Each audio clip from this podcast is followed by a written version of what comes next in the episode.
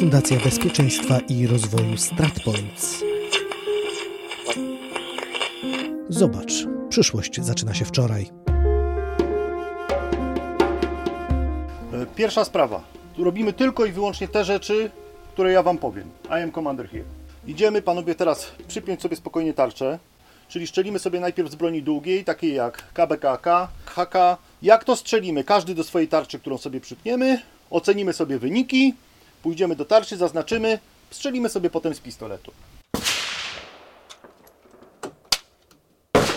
Chorąży rezerwy Przemysław Wójtowicz, ekspert Fundacji StratPoints, yy, szef zespołu do spraw weteranów oraz rodzin poległych.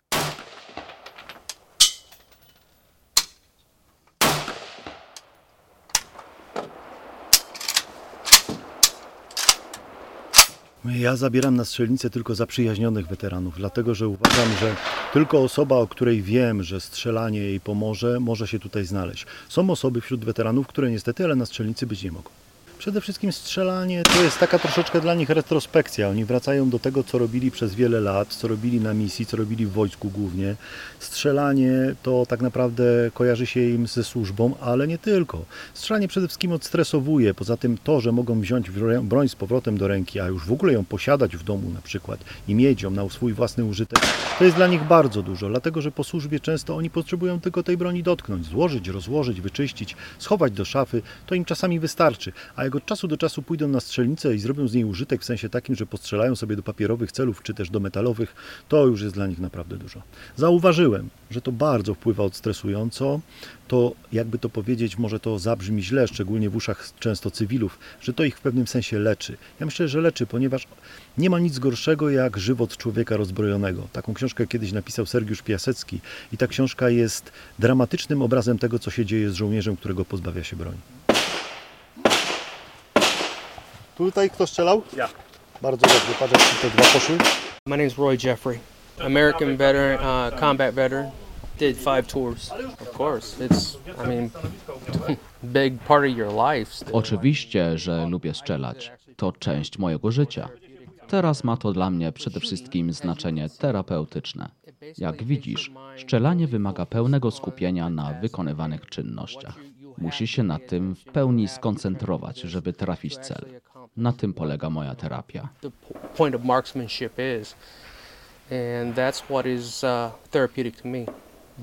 I, I mean, I still own weapons. I, my dad, at my father's house, he still has 14 of my Ojciec w. Stanach nadal ma 14 sztuk mojej broni. W domu w Teksasie miałem 7 sztuk. Dla nas broń jest taka trzecia ręka, szczególnie w Teksasie. W broni nie ma nic strasznego. Oczywiście wymaga odpowiedzialności i posługiwania się nią z szacunkiem. Jednak tym, czego najbardziej brakuje po wyjściu z armii, są ludzie, towarzysze. To braterstwo jest bezcenne. Jak często zdarza ci się w życiu cywilnym spojrzeć na przyjaciół i powierzyć im własne życie, a oni tak samo potraktują ciebie? In the civilian world, how many times do you uh, can you look at somebody and actually say, you know what, I trust you with my very life, and they do the same for you. Jacek Marcinkiewicz. Jestem weteranem. Byłem dwa razy w Iraku, raz w Afganistanie i myślę, że zrobiłem to, co miałem zrobić. Jestem z tego powodu szczęśliwym człowiekiem. Lubisz chodzić na strzelnicę? Bardzo. Jest to dla mnie forma terapii. Tak to moi koledzy stwierdzili, jest to forma terapii, jest to forma stresowania się. No i na pewno jest to miejsce, w którym mogę zauważyć swoje słabości i mogę się czegoś jeszcze więcej nauczyć niż się nauczyłem przez tyle lat w armii. Jest to fajne miejsce, podoba mi się i tutaj jestem spokojnym człowiekiem. Uczę się pokory. E, Przemek, Słucham. jak oceniasz tego Ziga? Zig like zig. Dlaczego ja się tym zajmuję? Dlatego, że przez lata zajmowałem się strzelectwem, byłem przez lata instruktorem i jestem obecnie instruktorem cywilnym strzelectwa sportowego, bojowego, długodystansowego. Byłem dowódcą sekcji snajperów, byłem koordynatorem szkolenia snajperów w Wojsku Polskim, ale byłem też zwykłym, prostym żołnierzem. Byłem dowódcą drużyny piechoty czy dowódcy plutonu piechoty. Ja tych żołnierzy rozumiem. Pracowałem z nimi 21 lat, byłem z nimi na misjach, byłem z nimi w lekkich, wesołych, ale też i bardzo trudnych i dramatycznych sytuacjach, więc dlatego jestem w stanie znaleźć się ich, na ich miejscu i poczuć to, co oni. Szukasz możliwości spędzania czasu z kolegami, z innymi weteranami? Ja myślę, że to jest jedyna słuszna koncepcja spędzanie czasu z moimi przyjaciółmi, kolegami, weteranami, nawet ludźmi, którzy na tej samej misji, a nie znamy się, nawet nie widzieliśmy się. Spędzanie z tymi ludźmi czasu to jest to tak, jakbyś spędzał czas ze swoim najlepszym przyjacielem, który potrafi cię zrozumieć. Bo żaden człowiek, który nie przeżył wielu rzeczy, nie będzie w stanie ci pomóc, bo nie będzie rozumiał tego, co, o czym mówisz. Nie będzie rozumiał twojego problemu, nie będzie rozumiał tego kołatania w mózgu, tak? Twoich myśli rozbieganych po całym świecie i nie tylko. A tylko człowiek, który przeżył podobne, podobne rzeczy, był w podobnych sytuacjach, może ci pomóc. Jestem człowiekiem szczęśliwym, dlatego że spędzam czas ze swoimi przyjaciółmi, weteranami. Dzielę z nimi swoje smutki i radości. Brzmi to bardzo tak wzniośle, ale to dzielę się z nimi wieloma rzeczami i są w stanie im pomóc. Naprawdę, są to fajni ludzie i z niektórymi odnowiłem kontakt po wielu latach przerwy. Z niektórymi utrzymuję kontakt cały czas na bieżąco. Doświadczasz braku zrozumienia, dystansu, czy w ogóle wręcz wiedzy w świecie cywilnym. Tak, spotykasz człowieka, który cię nie zna. Ten człowiek dowiaduje się, że jesteś weteranem. Wiesz, jakie pada pierwsze pytanie? Zabijesz kiedyś człowieka? I o czym ja mam z tym człowiekiem rozmawiać? Ludzie nie rozumieją w ogóle y, zasady i działania misji pokojowych, stabilizacyjnych. Ludzie po prostu widzą nas przez pryzm- pryzmat tego, co, nam, co media pokazują, co media kreują, co wyczytają na jakichś bzdurnych forach, gdzie wypowiadają się ludzie, którzy nigdy w wojsku nie byli, tym bardziej na misjach. No wypowiadają się też żołnierze, którzy na misjach nie byli, a przemawia przez nich jakaś tam, nie wiem, zawiść, zazdrość. Co z tym zrobić? Mówić, mówić, mówić, opowiadać, tłumaczyć, edukować? Ale to chwilami to jest tak jak rzucać grochem o ścianę. To tak jak kiedyś mówił mój tata, wspaniały człowiek, bardzo dobry żołnierz, jeden z najlepszych chemików starej pierwszej dywizji, mówił, synu, teraz do ciebie mówię, a ty mówisz, że jestem, że gadam głupoty. Wiesz co? I tak było. A ja teraz po 40 po latach swojego, prawie 50 latach swojego życia, zawsze mówię tacie jedną rzecz. Tato, naprawdę potrzebowałem 30 lat na to, żeby zrozumieć twoje słowa. Mam ten sam problem ze swoimi dziećmi, wiesz? Bo mówiłeś, że rzucać grochem o ścianę, nic nie rozumiem. Zrozumiałem to po 30 latach. E, warto zbierać informacje i potem te informacje weryfikować. Może porozmawiać warto z ludźmi, którzy tam e, e, byli. Są miejsca przyjazne weteranom, tam można spotkać fajnych ludzi, fajnych weteranów. Niekoniecznie wszyscy wrócili stamtąd, jak to się mówi, cali i zdrowi, tak? Niektórzy mają problemy fizyczne, niektórzy mają problemy emocjonalne, ale są miejsca, gdzie można ludzi spotkać i można z nimi porozmawiać, naprawdę dowiedzieć się o wiele ciekawszych rzeczy, nie zawsze jakichś tragicznych, ale takich wesołych e, i sytuacyjnych rzeczy, no. problem with uh, having such injuries is this you know not all injuries are Rany bywają problematyczne. Nie wszystkie są tak widoczne jak amputacje. To są blizny, zniszczone um, stawy. Ja w szyi mam dwa kręgi z tworzywa sztucznego. Z tego powodu codzienność staje się nieco większym wyzwaniem. Nawet ochłodzenie pogody czy wzrost wilgotności staje się wyzwaniem. uh,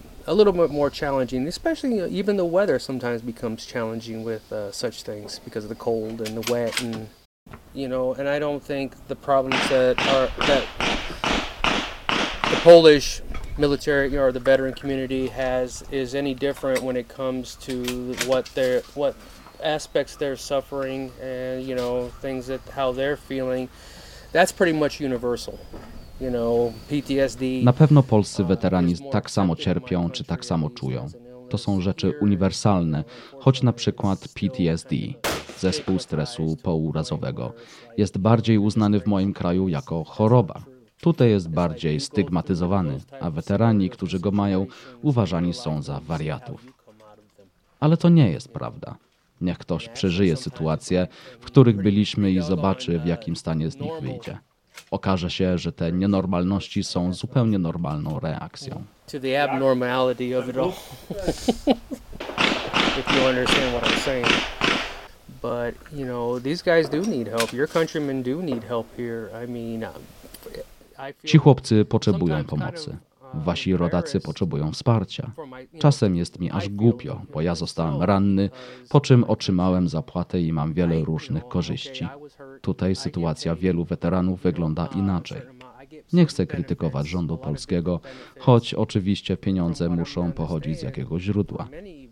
Ale jeżeli wysyłacie swoich obywateli w miejsca niebezpieczne, to musicie się nimi zająć, gdy wracają poszkodowani i poranieni. Um, but if you're going to sit there and send your people into harm's way, you know, then you should take care of them when they come home hurt and sick and injured. What's on the card veterans uh, stamped on the driver's license? Also is to tell law enforcement police officers that hey this guy may have certain uh, special issues that may need a special uh, attention or approach. Na przykład oznaczenie weteran na amerykańskim prawie jazdy ma zwrócić uwagę policjantów, że ten człowiek może mieć szczególne problemy wymagające szczególnego podejścia.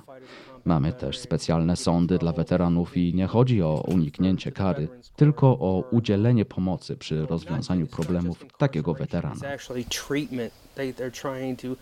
Assist in getting better, you know, with whatever your problem is. A lot of our guys, unfortunately, is drug addiction. Niestety wielu naszych chłopaków ma problemy z narkotykami. Alkoholizm jest problemem uniwersalnym, co widać także tutaj, w Polsce. To takie próby samodzielnego leczenia się. Tutaj znowu pojawia się stygmatyzacja leczenia psychiatrycznego, bo skoro bierzesz takie leki, to znaczy, że jesteś wariatem. Ale to nie jest prawda. Przecież te leki pomagają uspokoić się i pozbyć z głowy wojny, która cały czas tam sieci. To jest dobre dla samego weterana i jego społeczności.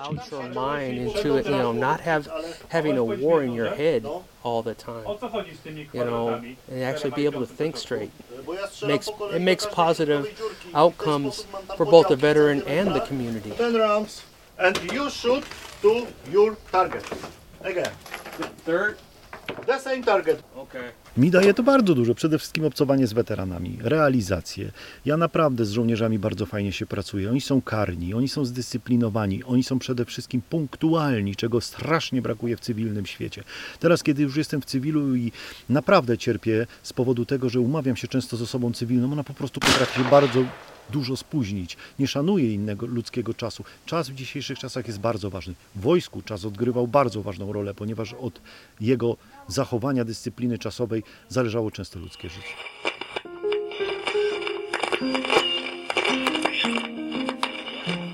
Zajmuje się rehabilitacją weteranów poprzez sport i rekreację, w której to przede wszystkim wchodzi przede wszystkim nurkowanie, czyli hiperbaria, praca w zespole, y, efekt wody, która wpływa niesamowicie kojąco na weteranów poszkodowanych i weteranów, szczególnie cierpiących na PTSD, ale również wszelkiego rodzaju półekstremalne bądź ekstremalne wycieczki, takie jak na przykład wyprawy na Spitsbergen, czy wycieczki bardziej luźne, y, terapeutyczne, jak na przykład w Polskie Góry, w Tatry, czy też na przykład y, wycieczki krajoznawcze, na przykład choćby nawet do Jordanii, jak w ostatnim czasie. Czy dostrzegasz zmianę w na przestrzeni ostatniej powiedzmy dekady, dwóch w świecie cywilnym? Nie dostrzegam tej zmiany, tej zmiany nie ma, wręcz przeciwnie. Mamy niestety takie społeczeństwo, jakie jest. To są polskie przypadłości i tego się już nie da zmienić. Niech żaden żołnierz nie próbuje tego zmieniać. Niech żaden żołnierz nie prosi o żaden szacunek. Ten szacunek niektórym z nas się po prostu należy. Być może jednym większy, drugim mniejszy. Niemniej jednak żołnierz zawsze działa pod rozkazami polityków, których wybierają obywatele. Więc Teoretycznie człowiek uczciwy, człowiek porządny nigdy nie będzie pluł na żołnierza, tym bardziej na weterana, bo wie, że ten los zgotowali mu właśnie politycy, których oni wybrali. Ci ludzie, którzy angażują się w miejsce przyjazne weteranom, to jest ta część społeczeństwa polskiego, która doskonale rozumie to, czym, kim są żołnierze i co robią dla nas. Wielu ludzi nie zdaje sobie sprawy, że dzięki wojsku, dzięki doświadczeniom wojskowych, choćby nawet chirurgów, medycyna w Polsce poszła do przodu, że wiele ofiar wypadków jest dużo lepiej zaopatrzonych dzięki praktyce na żołnierzach, którzy odnieśli bardzo ciężkie rany. Ludzie sobie z tego nie zdają sprawy, ale kiedy spotykają się z fachowcami, którzy udzielają im rąbka takiej tajemnicy, dopiero rozumieją, o czym jest mowa. Natomiast nie wiedzą, jak dobrymi pracownikami często są żołnierze. Mowa tu choćby nawet o rzetelności i tej punktualności, o której mówię, które żołnierze mają we krwi, których, której trzeba uczyć cywilów i to często w ogóle nie wychodzi. Chciałbym, żeby tego było dużo więcej. Chciałbym, żeby dzięki temu niektórzy ludzie zrozumieli, że jednak tam coś temu weteranowi być może się należy. Ja o nic nie proszę. Ja nie proszę o zrozumienie. Ja proszę, żebyśmy się tylko wszyscy traktowali równo. Żeby Polak dla Polaka zawsze, bez różnicy na to, czy to jest weteran, górnik, czy nauczyciel, żeby każdy odnosił się do siebie dobrze i żebyśmy się szanowali wzajemnie, bez różnicy na to, jaki zawód wykonujemy. Fundacja Bezpieczeństwa i Rozwoju StratPoints. Podcast zrealizowany we współpracy z Free Range Productions.